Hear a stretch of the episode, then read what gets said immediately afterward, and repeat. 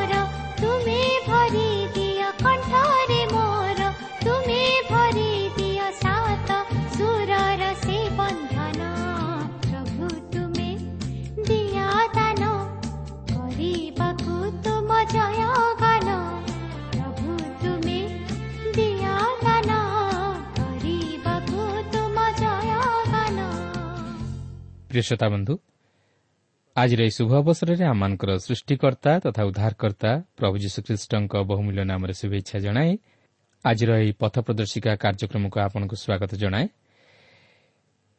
ଆପଣଙ୍କର ମତାମତ ନିମନ୍ତେ ବିଶେଷ ଧନ୍ୟବାଦ। ଆପଣଙ୍କର ଅନୁରୋଧ କ୍ରମେ ଆମେ ଏକ ଉପାଦେୟ ପୁସ୍ତକ ଆପଣଙ୍କ ନିକଟକୁ ପଠାଇଛୁ। ତାହା ଅଧ୍ୟୟନ କରନ୍ତୁ ଆଉ ତହିଁରୁ କି ଶିକ୍ଷା ଗ୍ରହଣ କଲେ ତାହା ତୁରନ୍ତ ପତ୍ର ମାଧ୍ୟମରେ ଆମ ନିକଟକୁ ଲେଖି ଜଣାଇବା ନିମନ୍ତେ ଅନୁରୋଧ। ଆଉ ଯଦି ଆପଣଙ୍କର ଜୀବନରେ ସେ ପ୍ରକାର କିଛି ସାକ୍ଷ୍ୟ ଥାଏ ଯାହାକି ପ୍ରଭୁ ଯୀଶୁଙ୍କର ଉପସ୍ଥିତି ମଧ୍ୟ ଦେଇ ଆପଣ ଅନୁଭବ କରିପାରିଛନ୍ତି ତାହେଲେ ତାହା ପତ୍ର ମାଧ୍ୟମରେ ଲେଖି ଜଣାଇବା ନିମନ୍ତେ ଅନୁରୋଧ। ଆସନ୍ତୁ ପ୍ରଭୁଙ୍କର ବାକ୍ୟ ମଧ୍ୟକୁ ଯିବା ପୂର୍ବରୁ ସଂକ୍ଷେପରେ ପ୍ରାର୍ଥନା କରିବା। ପବିତ୍ର ପ୍ରଭୁ ତୁମର ପବିତ୍ର ନାମର ଧନ୍ୟବାଦ କରୁଅଛୁ ଏହି ସୁନ୍ଦର ସମୟ ପାଇଁ ତୁମର ଜୀବନ୍ତ ବାକ୍ୟ ପାଇଁ। ପ୍ରଭୁ ତୁମେ ଆମମାନଙ୍କୁ ସୁନ୍ଦର ସୁସ୍ଥ ସବଳ ଶରୀର ଦେଇ ସୁରକ୍ଷା ଦେଇଥିବାରୁ ତୁମର ଧନ୍ୟବାଦ କରୁଅଛୁ। କେବଳ ସେତିକି ନୁହେଁ ପ୍ରଭୁ। ତୁମେ ଆମମାନଙ୍କର ଉଦ୍ଧାର ନିମନ୍ତେ ତୁମର ସେହି ପବିତ୍ର ରକ୍ତ ଦେଇ ଆମମାନଙ୍କୁ କିଣିଥିବାରୁ ପ୍ରଭୁ ତୁମର ଧନ୍ୟବାଦ କରୁଅଛୁ। ପ୍ରଭୁ ଆମମାନେ ତୁମ ନିକଟକୁ ଆସୁଅଛୁ ନିବେଦନ ପ୍ରାର୍ଥନା କରୁଅଛୁ ପ୍ରଭୁ। ତୁମେ ଆମମାନଙ୍କର ସମସ୍ତ ପାପ ଦୋଷ ଅଯୋଗ୍ୟତା ଦୟାକରି ମାର୍ଚ୍ଚନା କର। ଆମମାନଙ୍କର ପାପରୁ ଆମମାନଙ୍କୁ ଉଦ୍ଧାର କରି ସେହି ଅନନ୍ତ ଜୀବନରେ ଆମମାନଙ୍କୁ ପ୍ରବେଶ କରାଅ। ସେହି ପରିଚାଳନାର ଆନନ୍ଦକୁ ଉପଲବ୍ଧି କରିବା ନିମନ୍ତେ ପ୍ରଭୁ ସାହାଯ୍ୟ କର। ପ୍ରତ୍ୟେକ ଶ୍ରୋତାବନ୍ଧୁମାନଙ୍କର ସମସ୍ୟା ଅଭାବ ପ୍ରଭୁ ତୁମେ ଦୟାକରି ଦୂର କର। ପ୍ରତ୍ୟେକଙ୍କୁ ତୁମର ଆଶୀର୍ବାଦ ଅନୁଗ୍ରହରେ ପରିପୂର୍ଣ୍ଣ କର। ଏହି ସମସ୍ତ ପ୍ରାର୍ଥନା ଆମମାନଙ୍କର ଉଦ୍ଧାରକର୍ତ୍ତା ଜୀବିତ ପୁନରୁତ୍ଥିତ ପ୍ରିୟ ପ୍ରଭୁ ଯୀଶୁଙ୍କ ନାମରେ ଏ ଅଳ୍ପ ଭିକ୍ଷା ମାଗୁଅଛୁ।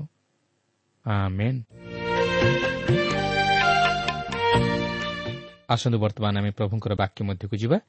ଆଜି ଆମେ ଜୋହନ ତେର ପର୍ବର ପ୍ରଥମ ପଦରୁ ଆରମ୍ଭ କରି କୋଡ଼ିଏ ପଦ ପର୍ଯ୍ୟନ୍ତ ଅଧ୍ୟୟନ କରିବା ନିମନ୍ତେ ଯିବା। କିନ୍ତୁ ଏହି ପର୍ବଟିକୁ ଅଧ୍ୟୟନ କରିବାକୁ ଯିବା ପୂର୍ବରୁ ମୁଁ ଆପଣଙ୍କୁ କହି ରଖେ ଯେ ଏହି ତେର ପର୍ବଠାରୁ ସତର ପର୍ବ ମଧ୍ୟରେ ଆମେ ଯେଉଁ ସମସ୍ତ ବିଷୟ ଅଧ୍ୟୟନ କରିବାକୁ ଯାଉଅଛୁ ତାହା ସେହି ଉପର କୋଠରୀରେ ଯୀଶୁ ଆଲୋଚନା ପ୍ରସଙ୍ଗରେ ତାଙ୍କର ଶିଷ୍ୟମାନଙ୍କୁ ଶିକ୍ଷା ଦେଇଥିଲେ।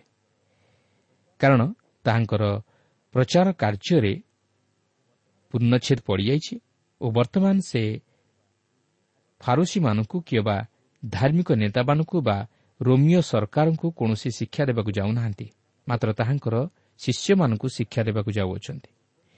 କାରଣ ସେ ଏହି ଉପର କୋଠରୀରେ ତାହାଙ୍କର ନିଜର ଲୋକମାନଙ୍କୁ କିଛି ସମ୍ବାଦ ଜଣାଉଛନ୍ତି। କାରଣ ସେ ସେହି କୃଷି ମୃତ୍ୟୁ ଆଡ଼କୁ ଅଗ୍ରସର ହେଉଅଛନ୍ତି। ସେ ଏହି ଉପର କୋଠରୀରେ ତାହାଙ୍କର ପ୍ରେମ ବିଷୟରେ କହନ୍ତି ଯାହାକି ସେ ଆମମାନଙ୍କ ପ୍ରତି ପ୍ରକାଶ କରିଅଛନ୍ତି। ଆମେ କିପରି ଏକ ଖ୍ରୀଷ୍ଟ ବିଶ୍ୱାସୀ ରୂପେ ଜୀବନଯାପନ କରିବା? ସେ ଆମମାନଙ୍କ ନିମନ୍ତେ ଯେଉଁ ସମସ୍ତ ଯୋଜନା ପ୍ରସ୍ତୁତ କରିଅଛନ୍ତି ଓ ସେ ତାଙ୍କର ନିଜ ଲୋକମାନଙ୍କ ସହିତ ଯେଉଁ ସମ୍ପର୍କ ସ୍ଥାପନ କରିବା ନିମନ୍ତେ ଯାଉଅଛନ୍ତି ସେହି ସମସ୍ତ ବିଷୟ ଜଣାଇ ଦିଅନ୍ତି। ଏହି ସମସ୍ତ ବିଷୟ ସେ ତାହାଙ୍କର ନିଜ ଲୋକମାନଙ୍କୁ କହୁଛନ୍ତି କିନ୍ତୁ ଅନ୍ୟମାନଙ୍କୁ ନୁହେଁ କାରଣ ସେମାନେ ତାହାଙ୍କୁ ଅଗ୍ରାହ୍ୟ କରିଥିଲେ। ତେବେ ଏହି ଆଲୋଚନାଟି ଅତି ମହତ୍ୱପୂର୍ଣ୍ଣ ଆଲୋଚନା ଯାହାକି ସେ ତାହାଙ୍କର ନିଜ ଲୋକମାନଙ୍କ ସହିତ କରିଥିଲେ ଓ ସେମାନଙ୍କ ନିକଟରେ ଏକ ନୂତନ ସତ୍ୟତାକୁ ପ୍ରକାଶ କରିଥିଲେ। କାରଣ ଏହା ଥିଲା ତାହାଙ୍କର ମୃତ୍ୟୁ ପୂର୍ବରୁ ଶେଷ ଆଲୋଚନା। ତେବେ ସେହି ଉପର କୋଠରୀରେ ଯେଉଁ ସମସ୍ତ ବିଷୟ ଯୀଶୁ ପ୍ରକାଶ କଲେ ଓ ଯାହା ଯାହା ସେଠାରେ ଘଟିଲା ତାହା ଏହି ତେର ପର୍ବଠାରୁ ସତର ପର୍ବ ମଧ୍ୟରେ ଆମେ ପାଠ କରି ଆଲୋଚନା କରିବାକୁ ଯିବା। ତେବେ ପ୍ରଥମେ ଆମେ ଦେଖିବାକୁ ଯିବା ଯେ ଯୀଶୁ ତାହାଙ୍କର ଶିଷ୍ୟମାନଙ୍କର ପାଦ ଧୋଇ ଦିଅନ୍ତି। କିନ୍ତୁ ବର୍ତ୍ତମାନ ଆମେ ଏହା ବିଶେଷ ଗଭୀର ଭାବରେ ବା ବିସ୍ତୃତ ଭାବରେ ବ୍ୟାଖ୍ୟା କରିବାକୁ ଯିବା ନାହିଁ ମାତ୍ର ଯେତେବେଳେ ଆମେ ପୁନର୍ବାର ଏହି ପୁସ୍ତକକୁ ପାଠ କରିବାକୁ ଯିବା ସେତେବେଳେ ଆମେ ଏହାକୁ ଭଲ ଭାବେ ବ୍ୟାଖ୍ୟା କରି ବୁଝିବାକୁ ଚେଷ୍ଟା କରିବା କିନ୍ତୁ ବର୍ତ୍ତମାନ ସମୟର ସ୍ୱଳ୍ପତା ହେତୁ ଆମେ କେତେକ ମୁଖ୍ୟ ଅଂଶ ଉପରେ ଦୃଷ୍ଟି ଦେବା କିନ୍ତୁ ଯଦି କୌଣସି ବିଷୟ ଆପଣଙ୍କର ବୁଝିବାରେ ଜଟିଳ ହୁଏ ତାହେଲେ ଆମ ନିକଟକୁ ପତ୍ର ମାଧ୍ୟମରେ ଲେଖି ଜଣାଇଲେ ଆମେ ମଧ୍ୟ ପତ୍ର ଦ୍ୱାରା ଏହାର ସଠିକ୍ ଉତ୍ତର ଦେବା ପାଇଁ ଚେଷ୍ଟା କରିବୁ। ତେବେ ବର୍ତ୍ତମାନ ଆମେ ଦେଖିବା ଯେ ଯୀଶୁ ଶିଷ୍ୟମାନଙ୍କର ପାଦ ଧୋଇଦେବାର ତାତ୍ପର୍ଯ୍ୟ କ'ଣ ଥିଲା। ଦେଖନ୍ତୁ ତେର ପର୍ବର ପ୍ରଥମ ପାଞ୍ଚ ପଦରେ ଏହିପରି ଲେଖା ଅଛି। ନିସ୍ତାର ପର୍ବ ହେବା ପୂର୍ବରୁ ଯୀଶୁ ଏହି ଜଗତରୁ ପିତାଙ୍କ ନିକଟକୁ ଆପଣାର ପ୍ରୟାଣ କରିବାର ସମୟ ଉପସ୍ଥିତ ଜାଣେ। ଜଗତରେ ଥିବା ନିଜର ଯେଉଁ ଲୋକମାନଙ୍କୁ ସେ ପ୍ରେମ କରି ଆସୁଥିଲେ ସେମାନଙ୍କ ପ୍ରତି ଚୂଡ଼ାନ୍ତ ପ୍ରେମ ପ୍ରକାଶ କଲେ। ଆଉ ରାତ୍ରି ଭୋଜ ସମୟରେ ଯେତେବେଳେ ଶୟତାନ ସିମନର ପୁତ୍ର ଇସ୍କାରିଓଥ୍ ଜିହୁଦାର ହୃଦୟରେ ଯୀଶୁଙ୍କୁ ଶତ୍ରୁ ହସ୍ତରେ ସମର୍ପଣ କରିବା ନିମନ୍ତେ ସଂକଳ୍ପ ଜାତ କରିସାରିଥିଲା। ସେତେବେଳେ ପିତା ଯେ ତାହାଙ୍କ ହସ୍ତରେ ସମସ୍ତ ବିଷୟ ସମର୍ପଣ କରିଅଛନ୍ତି ଓ ସେ ଯେ ଈଶ୍ୱରଙ୍କ ନିକଟରୁ ଆସିଅଛନ୍ତି ପୁଣି ଈଶ୍ୱରଙ୍କ ନିକଟକୁ ଯାଉଅଛନ୍ତି ଏହା ଜାଣି ସେ ଭୋଜନ ଆସନରୁ ଉଠି ଆପଣାର ବସ୍ତ୍ର କାଢ଼ିଦେଇ ଗୋଟିଏ ଗାମୁଛା ଘେନି ଆପଣାର କଟି ବନ୍ଧନ କଲେ। ତତ୍ପରେ ସେ ପାତ୍ରରେ ଜଳ ଢାଳିଲେ ପୁଣି ଶିଷ୍ୟମାନଙ୍କ ପାଦ ଧୋଇଦେଇ ଆପଣା କଟିରେ ବନ୍ଧା ହୋଇଥିବା ଗାମୁଛାରେ ପୋଛିବାକୁ ଲାଗିଲେ। ଏହି ଅଂଶରେ ଆପଣ ଲକ୍ଷ୍ୟ କରିବେ ଯୀଶୁ ଶିଷ୍ୟମାନଙ୍କର ପାଦ ଧୋଇ ଦେଉଛନ୍ତି। ତେବେ ଏଠାରେ ଆପଣ ଲକ୍ଷ୍ୟ କରିବେ ଯୀଶୁ କେବଳ ଜଣେ ମନୁଷ୍ୟ ରୂପ ଧାରଣ କଲେ ନାହିଁ ସେ ମଧ୍ୟ ଦାସ ରୂପ ଧାରଣ କଲେ। ଓ କେବଳ ଦାସ ରୂପ ଧାରଣ କଲେ ନାହିଁ ମାତ୍ର କୀତଦାସ ରୂପ ମଧ୍ୟ ଧାରଣ କଲେ। ସେ ନିଜର ଶିଷ୍ୟମାନଙ୍କର ପାଦ ଧୋଇଦେଲେ। ତେବେ ସେ ଶିଷ୍ୟମାନଙ୍କର ପାଦ ଧୋଇଦେବାର ତିନୋଟି କାରଣ ଥିଲା। ପ୍ରଥମତଃ ସେ ଏହି ଜଗତକୁ ପରିତ୍ୟାଗ କରି ପିତାଙ୍କ ନିକଟକୁ ଯାଉଥିବାରୁ ଶିଷ୍ୟମାନଙ୍କ ପାଦ ଧୋଇ ଦେଇଥିଲେ। ଯେପରି ସେ ନିଜକୁ ଶିଷ୍ୟମାନଙ୍କ ନିକଟରେ ପରିଚିତ କରାଇପାରନ୍ତି ଓ ସେମାନଙ୍କ ନିକଟରେ ଏକ ଆଦର୍ଶ ହୁଅନ୍ତି। ଆଉ ଏହି ଜଗତ ଈଶ୍ୱରଙ୍କ ବିଚାରର ଅଧୀନରେ ଥିବାରୁ ତାଙ୍କର ଶିଷ୍ୟମାନେ ଯେପରି ସେହି ବିଚାରର ସମ୍ମୁଖୀନ ନ ହୁଅନ୍ତି ସେଥିନିମନ୍ତେ ସେମାନଙ୍କର ପାଦ ଧୋଇ ଦେଇଥିଲେ। କାରଣ ଏହି ପାଦ ଧୋଇବାର ଏକ ନିଗୁଢ଼ ଅର୍ଥ ହେଉଛି ଈଶ୍ୱରଙ୍କ ବାକ୍ୟ ଦ୍ୱାରା ସୂଚୀକରଣ।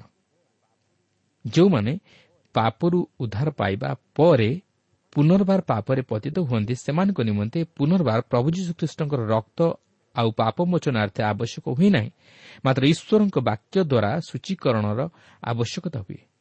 ଯେଉଁମାନେ ଈଶ୍ୱରଙ୍କ ବାକ୍ୟ ଦ୍ୱାରା ନିଜକୁ ସୂଚୀ କରି ନିଜର ପାପ ପ୍ରଭୁ ଯୀଶୁଙ୍କଠାରେ ସ୍ୱୀକାର କରନ୍ତି ସେମାନେ ସୂଚୀ ହୁଅନ୍ତି।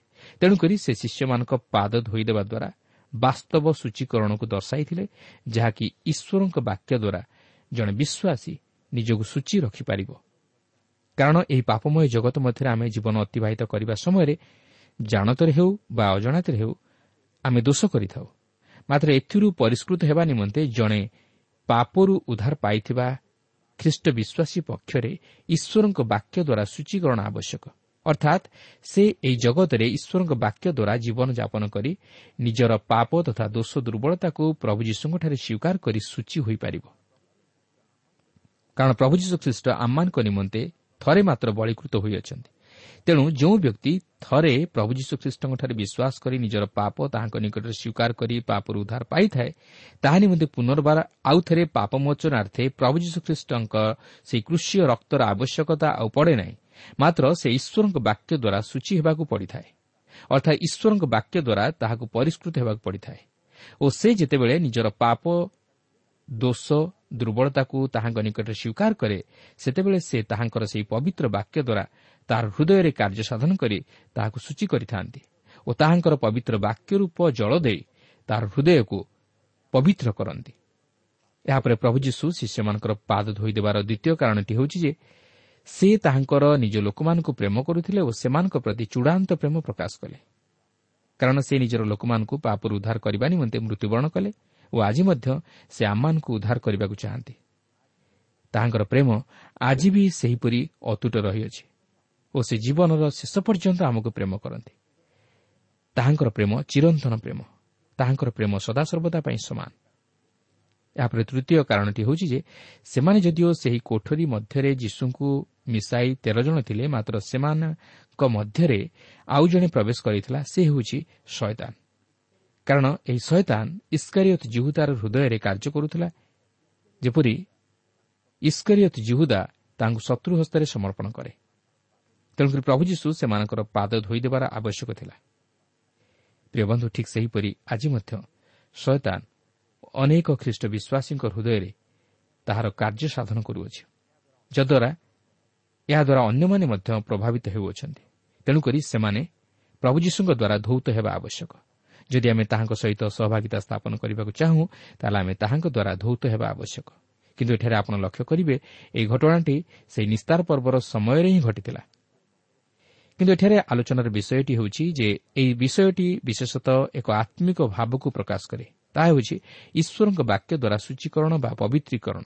ସେଥିପାଇଁ ଆପଣ ଦେଖିବେ ପ୍ରଭୁ ଯୀଶୁ ଯେତେବେଳେ ପିତରଙ୍କ ପାଦ ଧୋଇଦେବା ପାଇଁ ଆସୁଛନ୍ତି ଓ ପିତର ତାହାଙ୍କୁ ମନା କରୁଛନ୍ତି ସେତେବେଳେ ଯୀଶୁ ତାହାଙ୍କୁ କହୁଛନ୍ତି ଯଦି ମୁଁ ତୁମକୁ ଧୌତ ନ କରେ ତାହେଲେ ମୋ ସହିତ ତୁମର କୌଣସି ଅଂଶ ନାହିଁ। ଯେତେବେଳେ ପିତର ତାହାଙ୍କୁ କହୁଛନ୍ତି ପ୍ରଭୁ କେବଳ ମୋର ପାଦ ନୁହେଁ ମାତ୍ର ମୋର ହସ୍ତ ଓ ମସ୍ତକ ମଧ୍ୟ ସେତେବେଳେ ଯୀଶୁ ତାହାଙ୍କୁ କହୁଛନ୍ତି ଯିଏ ସ୍ନାନ କରିଅଛି ତାହାର ପାଦ ଧୋଇବା ବିନା ଆଉ କିଛି ପ୍ରୟୋଜନ ନାହିଁ। ଯାହାକି ତେର ପର୍ବର ଛଅ ପଦରୁ ଏଗାର ପଦ ମଧ୍ୟରେ ଲେଖା ଅଛି। ଅର୍ଥାତ୍ ଯୀଶୁ କହିବାକୁ ଚାହାନ୍ତି ଯେ ଯିଏକି ତାହାଙ୍କ ପବିତ୍ର ରକ୍ତରେ ସ୍ନାନ କରିଅଛି ସେ ଆଉ ପୁନର୍ବାର ପବିତ୍ର ରକ୍ତରେ ସ୍ନାନ ହେବା ପ୍ରୟୋଜନ ନାହିଁ ମାତ୍ର ସେ କେବଳ ଧୌତ ହେବା ଆବଶ୍ୟକ। ଅର୍ଥାତ୍ ସେ ଈଶ୍ୱରଙ୍କ ବାକ୍ୟ ରୂପ ଜଳରେ ଧୌତ ହେବା ଆବଶ୍ୟକ। କାରଣ ଆପଣ ଜାଣିଥିବେ ଯେ ଏହି ଜଗତରେ ଆମେ ପଥ ଚାଲିଲା ବେଳେ ଆମମାନଙ୍କର ପାଦ ଧୂଳି ହୋଇଯାଏ। ଓ ସେଥିପାଇଁ ଆମକୁ ଆମର ପାଦ ଧୋଇ ହେବାକୁ ପଡ଼େ। ଠିକ୍ ସେହିପରି ଏହି ପାପମୟ ଜଗତରେ ଜୀବନ ଅତିବାହିତ କରିବା ମଧ୍ୟରେ ଆମର ଜୀବନରେ ଅନେକ ଏପରି ଦୋଷ ତ୍ରୁଟି ହୋଇଯାଏ ଯେଉଁଥିପାଇଁ ଜଣେ ଉଦ୍ଧାର ପାଇଥିବା ଖ୍ରୀଷ୍ଟ ବିଶ୍ୱାସୀ ପକ୍ଷରେ ଈଶ୍ୱରଙ୍କ ବାକ୍ୟ ଦ୍ୱାରା ଧୌତ ହେବା ଆବଶ୍ୟକ ଆଉ ତାହା ପ୍ରଭୁ ଯୀଶୁ ପବିତ୍ର ଆତ୍ମାଙ୍କ ଶକ୍ତିରେ ତାହାଙ୍କ ବାକ୍ୟ ଦ୍ୱାରା ଜଣେ ବିଶ୍ୱାସୀର ହୃଦୟକୁ ପରିଷ୍କୃତ କରି ସୂଚୀ କରନ୍ତି। ତେଣୁ ଜଣେ ଖ୍ରୀଷ୍ଟ ବିଶ୍ୱାସୀ ତାହାର ଦୈନନ୍ଦିନ ଜୀବନରେ ଈଶ୍ୱରଙ୍କ ବାକ୍ୟ ଦ୍ୱାରା ସୂଚୀ ହେବା ଆବଶ୍ୟକ ଓ ତାହା କେବଳ ପ୍ରଭୁ ଯୀଶୁଙ୍କ ଦ୍ୱାରା ସମ୍ଭବ। କିନ୍ତୁ ଏଗାର ପଦରେ ଆପଣ ଦେଖିବେ ଯେ ଯୀଶୁ କହନ୍ତି ତୁମାନଙ୍କ ମଧ୍ୟରୁ ଜଣେ ସୂଚୀ ନୁହେଁ। ତେବେ ସେ ଜଣକ କିଏ ଥିଲା? ସେହି ବ୍ୟକ୍ତି ଥିଲା ଇସ୍କରିୟଥ ଜିହୁଦା ଯୀଶୁ ଜାଣିଥିଲେ ଯେ ସେ ତାହାଙ୍କୁ ଶତ୍ରୁ ହସ୍ତରେ ସମର୍ପଣ କରିବାକୁ ଯାଉଅଛି। ସେ ଜାଣିଥିଲେ ଯେ ଜିହୁଦା ତାହାଙ୍କର ସେହି ପବିତ୍ର ରକ୍ତରେ ସ୍ନାନ କରିନଥିଲା। ଅନ୍ୟ ଅର୍ଥରେ କହିବାକୁ ଗଲେ ଜିହୁଦା ପୁନର୍ଜନ୍ମ ପ୍ରାପ୍ତ ହୋଇନଥିଲା। ଅର୍ଥାତ୍ ଆତ୍ମିକ ଜୀବନରେ ସେ ନୂତନୀକୃତ ହୋଇନଥିଲା। ସେଥିପାଇଁ ଯୀଶୁ କହିଲେ ତୁମାନଙ୍କ ମଧ୍ୟରେ ସମସ୍ତେ ସୂଚୀ ନୁହଁ। ତେବେ ଦେଖନ୍ତୁ ଯୀଶୁ ଏହାପରେ ଶିଷ୍ୟମାନଙ୍କର ପାଦ ଧୋଇଦେବା ପରେ ସେମାନଙ୍କୁ କ'ଣ କହୁଅଛନ୍ତି ବାରପଦରୁ ସତର ପଦ ମଧ୍ୟରେ ଏହିପରି ଲେଖା ଅଛି ତତ୍ପରେ ସେ ସେମାନଙ୍କର ପାଦ ଧୋଇଦେଇ ଆପଣା ବସ୍ତ୍ର ପିନ୍ଧି ପୁନର୍ବାର ବସିଲା ଉତ୍ତାରେ ସେମାନଙ୍କୁ ପଚାରିଲେ ମୁଁ ତୁମାନଙ୍କ ପ୍ରତି କ'ଣ କରିଅଛି ତାହା କି ତୁମାନେ ବୁଝୁଅଛ? ତୁମେମାନେ ମୋତେ ଗୁରୁ ଓ ପ୍ରଭୁ ବୋଲି ଡାକୁଅଛ ଆଉ ଯଥାର୍ଥ କହୁଅଛ। କାରଣ ମୁଁ ତ ସେହି। ଅତଏବ ପ୍ରଭୁ ଓ ଗୁରୁ ଯେ ମୁଁ ମୁଁ ଯଦି ତୁମାନଙ୍କର ପାଦ ଧୋଇ ଦେଇଅଛି ତେବେ ତୁମାନଙ୍କର ମଧ୍ୟ ପରସ୍ପରର ପାଦ ଧୋଇବା କର୍ତ୍ତବ୍ୟ। କାରଣ ତୁମାନଙ୍କ ପ୍ରତି ମୁଁ ଯେପରି କରିଅଛି ତୁମାନେ ମଧ୍ୟ ଯେ ସେପରି କର ଏଥିନିମନ୍ତେ ମୁଁ ତୁମାନଙ୍କୁ ଗୋଟିଏ ଆଦର୍ଶ ଦେଖାଇଅଛି। ସତ୍ୟ ସତ୍ୟ ମୁଁ ତୁମାନଙ୍କୁ କହୁଅଛି ଦାସ ଆପଣା କର୍ତ୍ତାଠାରୁ ଶ୍ରେଷ୍ଠ ନୁହେଁ କିମ୍ବା ପ୍ରେରିତ ଆପଣା ପ୍ରେରକଠାରୁ ଶ୍ରେଷ୍ଠ ନୁହେଁ। ଯଦି ତୁମେମାନେ ଏହିସବୁ ଜାଣ ତେବେ ସେହି ପ୍ରକାର କଲେ ତୁମମାନେ ଧନ୍ୟ। ଏହି ଅଂଶରେ ମୁଁ ଗୋଟିଏ ମୁଖ୍ୟ ବିଷୟ ଉପରେ ଆପଣଙ୍କର ଦୃଷ୍ଟି ଆକର୍ଷଣ କରିବାକୁ ଚାହେଁ ଯାହାକି ଯୀଶୁ କହନ୍ତି ମୁଁ ଯଦି ତୁମାନଙ୍କର ପାଦ ଧୋଇ ଦେଇଅଛି ତେବେ ତୁମାନଙ୍କର ମଧ୍ୟ ପରସ୍ପରର ପାଦ ଧୋଇବା କର୍ତ୍ତବ୍ୟ। ତେବେ ଏଠାରେ କ'ଣ ଯୀଶୁ ଆକ୍ଷରିକ ଭାବେ ପରସ୍ପରର ପାଦ ଧୋଇବା ଉପରେ ଗୁରୁତ୍ୱ ଦିଅନ୍ତି? ନୁହେଁ। ତେବେ ଯଦି ଆମେ ଏହାକୁ ଆକ୍ଷରିକ ଭାବେ ପାଳନ କରୁ ତାହେଲେ ତହିଁରେ କିଛି କ୍ଷତି ନାହିଁ। ମାତ୍ର ଏହାର ଆତ୍ମିକ ଭାବକୁ ଯେପରି ଆମେ ଉପେକ୍ଷା ନ କରୁ। କାରଣ ଏହାର ଆତ୍ମିକ ଭାବ ହେଉଛି ବିଶେଷ ଗୁରୁତ୍ୱପୂର୍ଣ୍ଣ ଓ ତାହା ପାଳନ କରିବା ମଧ୍ୟ ବିଶେଷ ଗୁରୁତ୍ୱପୂର୍ଣ୍ଣ। ତେବେ ଏହାର ଆତ୍ମିକ ଭାବ ହେଉଛି ଯେ ଆମେ ଯେପରି ପରସ୍ପରର ପାପକୁ କ୍ଷମା କରି ପ୍ରଭୁଙ୍କର ବାକ୍ୟ ଦ୍ୱାରା ଶିକ୍ଷା ଓ ଉପଦେଶ ଦେଇ ପାପରେ ପତିତ ହୋଇଥିବା ଭାଇ ବା ଭଉଣୀକୁ ପ୍ରଭୁଙ୍କର ସହଭାଗିତା ମଧ୍ୟରେ ଅଂଶୀ କରାଉ। ସେଥିପାଇଁ ପ୍ରେରିତ ପାଉଲ ଗାଲାତୀୟ ପୁସ୍ତକ ଛଅ ପର୍ବର ପ୍ରଥମ ପଦରେ ଏହିପରି ଉଲ୍ଲେଖ କରନ୍ତି ହେ ଭାଇମାନେ ଯଦି କେହି କୌଣସି ଅପରାଧରେ ଧରାପଡ଼େ ଆତ୍ମିକ ଯେ ତୁମ୍ଭେମାନେ ତୁମେମାନେ ମୃଦୁ ଭାବରେ ସେହି ପ୍ରକାର ଲୋକକୁ ସଂଶୋଧନ କର ପୁଣି କେଜାଣି ନିଜେ ମଧ୍ୟ ପରୀକ୍ଷାରେ ପଡ଼ିପାର ଏଥିପାଇଁ ଆପଣା ବିଷୟରେ ସାବଧାନ ହୁଅ। ତେଣୁ ପ୍ରିୟ ବନ୍ଧୁ ପ୍ରଭୁ ଯୀଶୁ ଆଜି ଆମମାନଙ୍କ ଜୀବନରୁ ତାହା ହିଁ ଆଶା କରନ୍ତି ଯେ ଆମେ ଯେଉଁମାନେ କି ଆତ୍ମିକ ମନା ଆମେ ଯେପରି ସେହିପରି ଭାବରେ ଆଚରଣ କରି ଅନ୍ୟମାନଙ୍କୁ ସତ୍ ଶିକ୍ଷା ଓ ପରାମର୍ଶ ଦେଇ ସେମାନଙ୍କୁ ପ୍ରଭୁ ଯୀଶୁଙ୍କର ସହଭାଗିତାର ଅଂଶୀ କରାଉ କିନ୍ତୁ ସମାଲୋଚନା ଦ୍ୱାରା ନୁହେଁ ବା ତାହାର ପାପ ନିମନ୍ତେ ତାହାକୁ କଠୋର ଶାସ୍ତି ଦେବା ଦ୍ୱାରା ନୁହେଁ କାରଣ ତାହାର ଜୀବନକୁ ଉଦ୍ଧାର କରିବାର ଅର୍ଥ ତାହାର ପାଦକୁ ଧୋଇବା ତେଣୁ ପ୍ରଭୁ ଆଜି ଆମମାନଙ୍କ ଜୀବନରୁ ତାହା ହିଁ ଚାହାନ୍ତି ଆମେ ଯେପରି ନିଜେ ଆତ୍ମିକ ଜୀବନରେ ବର୍ଦ୍ଧିଷ୍ଣୁ ହେବା ସଙ୍ଗେ ସଙ୍ଗେ ଅନ୍ୟମାନଙ୍କୁ ମଧ୍ୟ ଆତ୍ମିକ ଜୀବନରେ ବର୍ଦ୍ଧିଷ୍ଣୁ କରାଉ ତାହେଲେ ଆମମାନଙ୍କର ସହଭାଗିତା ପ୍ରଭୁ ଯୀଶୁଙ୍କ ସହିତ ଏକ ବାସ୍ତବ ସହଭାଗିତା ହୋଇପାରିବ ଓ ଆମେ ପରସ୍ପର ପ୍ରତି ଏକ ଆଦର୍ଶ ହୋଇପାରିବା ଯଦ୍ୱାରା ପ୍ରଭୁ ଯୀଶୁ ଖ୍ରୀଷ୍ଟ ଆମମାନଙ୍କ ଜୀବନ ଦ୍ୱାରା ଗୌରବାନ୍ୱିତ ହୋଇପାରିବେ। କିନ୍ତୁ ତେର ପର୍ବର ଅଠର ପଦରୁ କୋଡ଼ିଏ ପଦରେ ସେ କହନ୍ତି ତୁମାନଙ୍କ ମଧ୍ୟରେ ଜଣେ ଅଛି ଯେ କି ଏହି ସମସ୍ତ ବିଷୟକୁ ପାଳନ କରିପାରିବ ନାହିଁ। ଆଉ ସେହି ବ୍ୟକ୍ତି ହେଉଛି ଇସ୍କାରିୟତ ଯୁବୁଦା କାରଣ ସେ ପ୍ରଭୁ ଯୀଶୁଙ୍କଠାରେ ବିଶ୍ୱାସ କରିନଥିଲା। ଆପଣ ଜାଣିଥିବେ ଯେ ଯୀଶୁ ମଧ୍ୟ ତାହା ବିଷୟରେ କହନ୍ତି ଯେ ସେ ସୂଚୀ ନୁହେଁ। ତେବେ ଏହି ସମସ୍ତ ଏପରି ଭାବରେ ଘଟିବାକୁ ଯାଉଛି ଯେପରି ଧର୍ମଶାସ୍ତ୍ର ସଫଳ ହୁଏ। କାରଣ ଇସ୍କାରିୟତ ଜୁହୁଦା ଯେ ପ୍ରଭୁ ଯୀଶୁଙ୍କୁ ଶତ୍ରୁ ହସ୍ତରେ ସମର୍ପଣ କରିବ ଏହା ପୂର୍ବରୁ ଭାବଣୀ ଆକାରରେ ପ୍ରକାଶିତ ହୋଇଥିଲା। ଦେଖନ୍ତୁ ଗୀତ ସଂହିତା ଏକଚାଳିଶ ପର୍ବର ନଅ ପଦରେ ଲେଖା ଅଛି ହଁ ମୋହର ନିଜ ସୁହୃଦ ଯାହାକୁ ମୁଁ ବିଶ୍ୱାସ କଲି ଯେ ମୋହର ରୋଟି ଖାଇଲା ସେ ଆମ୍ଭ ବିରୁଦ୍ଧରେ ଆପଣା ଗୋଇଠି ଉଠାଇଅଛି। ତେଣୁକରି ଏହା ଘଟିବ ବୋଲି ପୂର୍ବରୁ ଭାଓବାଣୀ ହୋଇଥିଲା ଓ ତାହା ଘଟିବାକୁ ମଧ୍ୟ ଥିଲା। ସେଥିପାଇଁ ଏହି ତେର ପର୍ବର ଅଠର ପଦରେ ଯୀଶୁ ତାହା ହିଁ ପ୍ରକାଶ କରନ୍ତି ଓ ଶିଷ୍ୟମାନଙ୍କୁ ସେଥିପ୍ରତି ସତର୍କ କରାଇ ଦିଅନ୍ତି। ଦେଖନ୍ତୁ ଅଠର ପଦରେ ଏହିପରି ଲେଖା ଅଛି ମୁଁ ତୁମ ସମସ୍ତଙ୍କ ସମ୍ବନ୍ଧରେ କହୁନାହିଁ। କେଉଁ ପ୍ରକାର ଲୋକମାନଙ୍କୁ ମୁଁ ମନୋନୀତ କରିଅଛି ତାହା ମୁଁ ଜାଣେ। କିନ୍ତୁ ଧର୍ମଶାସ୍ତ୍ରର ଏହି ବାକ୍ୟ ଯେପରି ସଫଳ ହୁଏ ସେଥିପାଇଁ ଏହିପରି ଘଟୁଅଛି ଯେ ମୋହର ଅନ୍ନ ଖାଏ ସେ ମୋହର ବିରୁଦ୍ଧରେ ଗୋଇଠା ଉଠାଇଲା ଏହା ହେଉଛି ବଡ଼ ଦୁଃଖର ବିଷୟ। ଇସ୍କାରିୟତ ଜୁହୁଦା ଯେ ତାହାର ଆତ୍ମିକ ଜୀବନକୁ ହରାଇବାକୁ ଯାଉଥିଲା ତାହା ନୁହେଁ। ମାତ୍ର ତାହାର ଯେ ଆତ୍ମିକ ଜୀବନ ନଥିଲା ତାହା ଭାବାଣୀ ଦ୍ୱାରା ପ୍ରକାଶିତ ହୋଇଥିଲା। ତଥାପି ପ୍ରଭୁ ଯୀଶୁ ତାହାଙ୍କ ବାକ୍ୟ ରୂପ ଜଳରେ ତାହାକୁ ଧୌତ କରିଥିଲେ। ତଥାପି ସେ ତାଙ୍କର ବାକ୍ୟକୁ ଅଗ୍ରାହ୍ୟ କରିଥିଲା। ତାହା ପାଇଁ ଅନେକ ସୁଯୋଗ ଦିଆଯାଇଥିଲା ଫେରିଆସିବା ପାଇଁ। ମାତ୍ର ସେ ନିଜର ପାପରେ ହିଁ ମଲା ପ୍ରଭୁ ଯୀଶୁ ତାହା ଘଟିବା ପୂର୍ବରୁ ତାଙ୍କର ଶିଷ୍ୟମାନଙ୍କୁ ସେହି ବିଷୟରେ ସତର୍କ କରାଇ ଦେଇଥିଲେ ଯାହାକି ଉଣେଇଶ ଓ କୋଡ଼ିଏ ପଦରେ ମଧ୍ୟ ଲେଖା ଅଛି କିନ୍ତୁ ଦୁଃଖର ବିଷୟ ଇସ୍କାରିୟତ ଜିହୁଦା ସେଦିନ ପ୍ରଭୁ ଯୀଶୁଙ୍କୁ ଗ୍ରହଣ କରିପାରିନଥିଲା କି ତାହାଙ୍କର ବାକ୍ୟରେ ବିଶ୍ୱାସ କରିନଥିଲା ଫଳତଃ ସେ ନିଜର ପାପରେ ହିଁ ବିନଷ୍ଟ ହେଲା ପ୍ରିୟ ବନ୍ଧୁ ସେଦିନ ଇସ୍କରିୟତ ଜିହୁଦା ପ୍ରଭୁ ଯୀଶୁଙ୍କର ବାସ୍ତବ ପ୍ରେମକୁ ବୁଝିପାରିନଥିଲା ସେ ତାହାଙ୍କର ବାକ୍ୟରେ ବିଶ୍ୱାସ କରିନଥିଲା କି ତାହାଙ୍କୁ ଗ୍ରହଣ କରିନଥିଲା ଯେହେତୁ ତାହାର ହୃଦୟକୁ ଶୟତାନ ଅଧିକାର କରିଥିଲା। ତାହାଙ୍କ ଆତ୍ମିକ ଚକ୍ଷୁ ପ୍ରସନ୍ନ ହୋଇପାରିନଥିଲା ଯାହାଫଳରେ ସେ ସେହି ଜ୍ୟୋତିଙ୍କୁ ବାସ୍ତବରେ ଚିହ୍ନି ପାରିଲା ନାହିଁ। ଶେଷରେ ସେ ପ୍ରଭୁ ଯୀଶୁଙ୍କୁ ଶତ୍ରୁ ହସ୍ତରେ ସମର୍ପଣ କରାଇଲା କିନ୍ତୁ ଆଜି ଆମମାନଙ୍କର ଆତ୍ମିକ ଜୀବନ କି ପ୍ରକାର ଅବସ୍ଥାରେ ଅଛି ଆମେ ଆଜି କ'ଣ ପ୍ରଭୁ ଯୀଶୁଙ୍କୁ ବାସ୍ତବ ଭାବରେ ବିଶ୍ୱାସ କରୁଅଛୁ କି ଆମେ ତାହାଙ୍କର ସେହି କୃଷି ମୃତ୍ୟୁର ତାତ୍ପର୍ଯ୍ୟକୁ କ'ଣ ବୁଝିପାରିଅଛୁ କି ସେହି କୃଷି ମୃତ୍ୟୁର ବହୁମୂଲ୍ୟତାକୁ କ'ଣ ବୁଝିପାରିଅଛୁ କି ଆମେ କ'ଣ ପ୍ରଭୁ ଯୀଶୁଙ୍କର ସେହି କୃଷି ମୃତ୍ୟୁରେ ତାଙ୍କର ଦୟା କ୍ଷମା ଓ ପ୍ରେମକୁ କ'ଣ ଉପଲବ୍ଧି କରିପାରିଛୁ କି? ଯଦି ଆମେ ଏପର୍ଯ୍ୟନ୍ତ ତହିଁର ସତ୍ୟତାକୁ ହୃଦୟଙ୍ଗମ କରିପାରିନାହୁଁ ତାହେଲେ ଆମେ ସେହି ଇସ୍କରିୟତ୍ ଜିହୁଦାଠାରୁ କୌଣସି ଗୁଣରେ କମ୍ ନୁହୁଁ। କିନ୍ତୁ ପ୍ରଭୁ ତାହା ନ କରନ୍ତୁ। ପ୍ରଭୁ ଆଜି ମଧ୍ୟ ଆମମାନଙ୍କୁ ସୁଯୋଗ ଦେଉଛନ୍ତି ତାଙ୍କର ନିକଟବର୍ତ୍ତୀ ହେବା ପାଇଁ। ଓ ସେହି ବାକ୍ୟ ଦ୍ୱାରା ଆଜି ମଧ୍ୟ ଆମକୁ ସତର୍କ କରାଇ ଦିଅନ୍ତି। ଯେପରି ଆମେ ଇସ୍କରିୟତ୍ ଜୁହୁଦା ପରି ନିଜର ପାପରେ ବିନଷ୍ଟ ନ ହେଉ। ମାତ୍ର ପ୍ରଭୁ ଯୀଶୁଙ୍କୁ ଗ୍ରହଣ କରି ଆତ୍ମିକ ଜୀବନରେ ଉଦ୍ଧାର ପାଏ ସେହି ଅନନ୍ତ ଜୀବନର ଅଧିକାରୀ ହେଉ। ପ୍ରିୟ ବନ୍ଧୁ ପ୍ରଭୁ ଆଜି ତାହାଙ୍କର ବାକ୍ୟ ମଧ୍ୟ ଦେଇ ଆମମାନଙ୍କୁ ଚେତାଇ ଦିଅନ୍ତି। ଯେପରି ଆମେ ନିଜର ପାପମୟ ଜୀବନ ନିମନ୍ତେ ଅନୁତପ୍ତ ହେଉ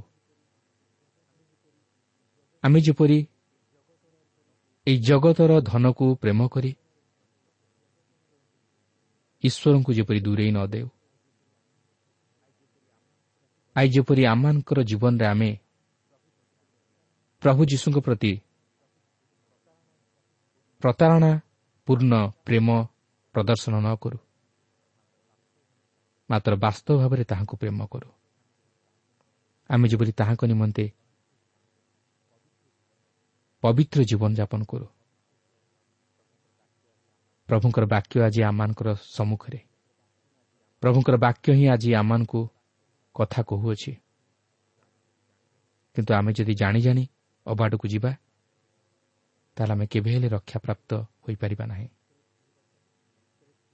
ସେଦିନ ଇସ୍କରିତ ଯୁହୁଦା ସବୁକିଛି ଜାଣିଥିଲା। ତଥାପି ସେ ପ୍ରଭୁ ଯୀଶୁଙ୍କୁ ଗ୍ରହଣ କରିପାରିନଥିଲା ଆସୁ ପ୍ରଭୁ ଯୀଶୁଙ୍କୁ ଉଦ୍ଧାରକର୍ତ୍ତା ରୂପେ ଗ୍ରହଣ କରି ପାପ ସବୁ ସ୍ୱୀକାର କରି କ୍ଷମା ମାଗି ଉଦ୍ଧାର ପ୍ରାପ୍ତ ହେଉ। ପ୍ରଭା ପ୍ରତ୍ୟେକଙ୍କୁ ଆଶୀର୍ବାଦ କରନ୍ତୁ।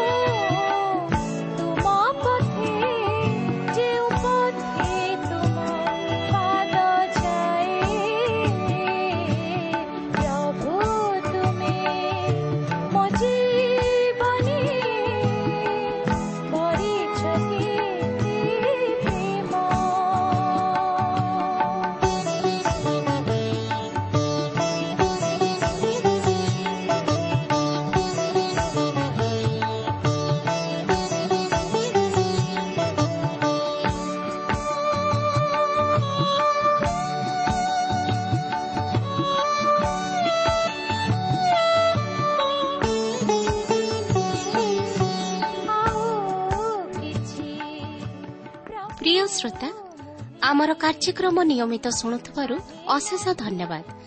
ଆପଣ ଏହି କାର୍ଯ୍ୟକ୍ରମ ଶୁଣିବା ଦ୍ୱାରା ଆତ୍ମିକ ଜୀବନରେ ଉପକୃତ ହୋଇପାରିଥିବେ ବୋଲି ଆମର ବିଶ୍ୱାସ।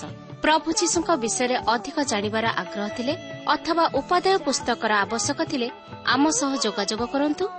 ଆମର ଠିକଣା ପଥ ପ୍ରଦର୍ଶିକା trans radio India post box number ତିନି ତିନି Bhubaneswar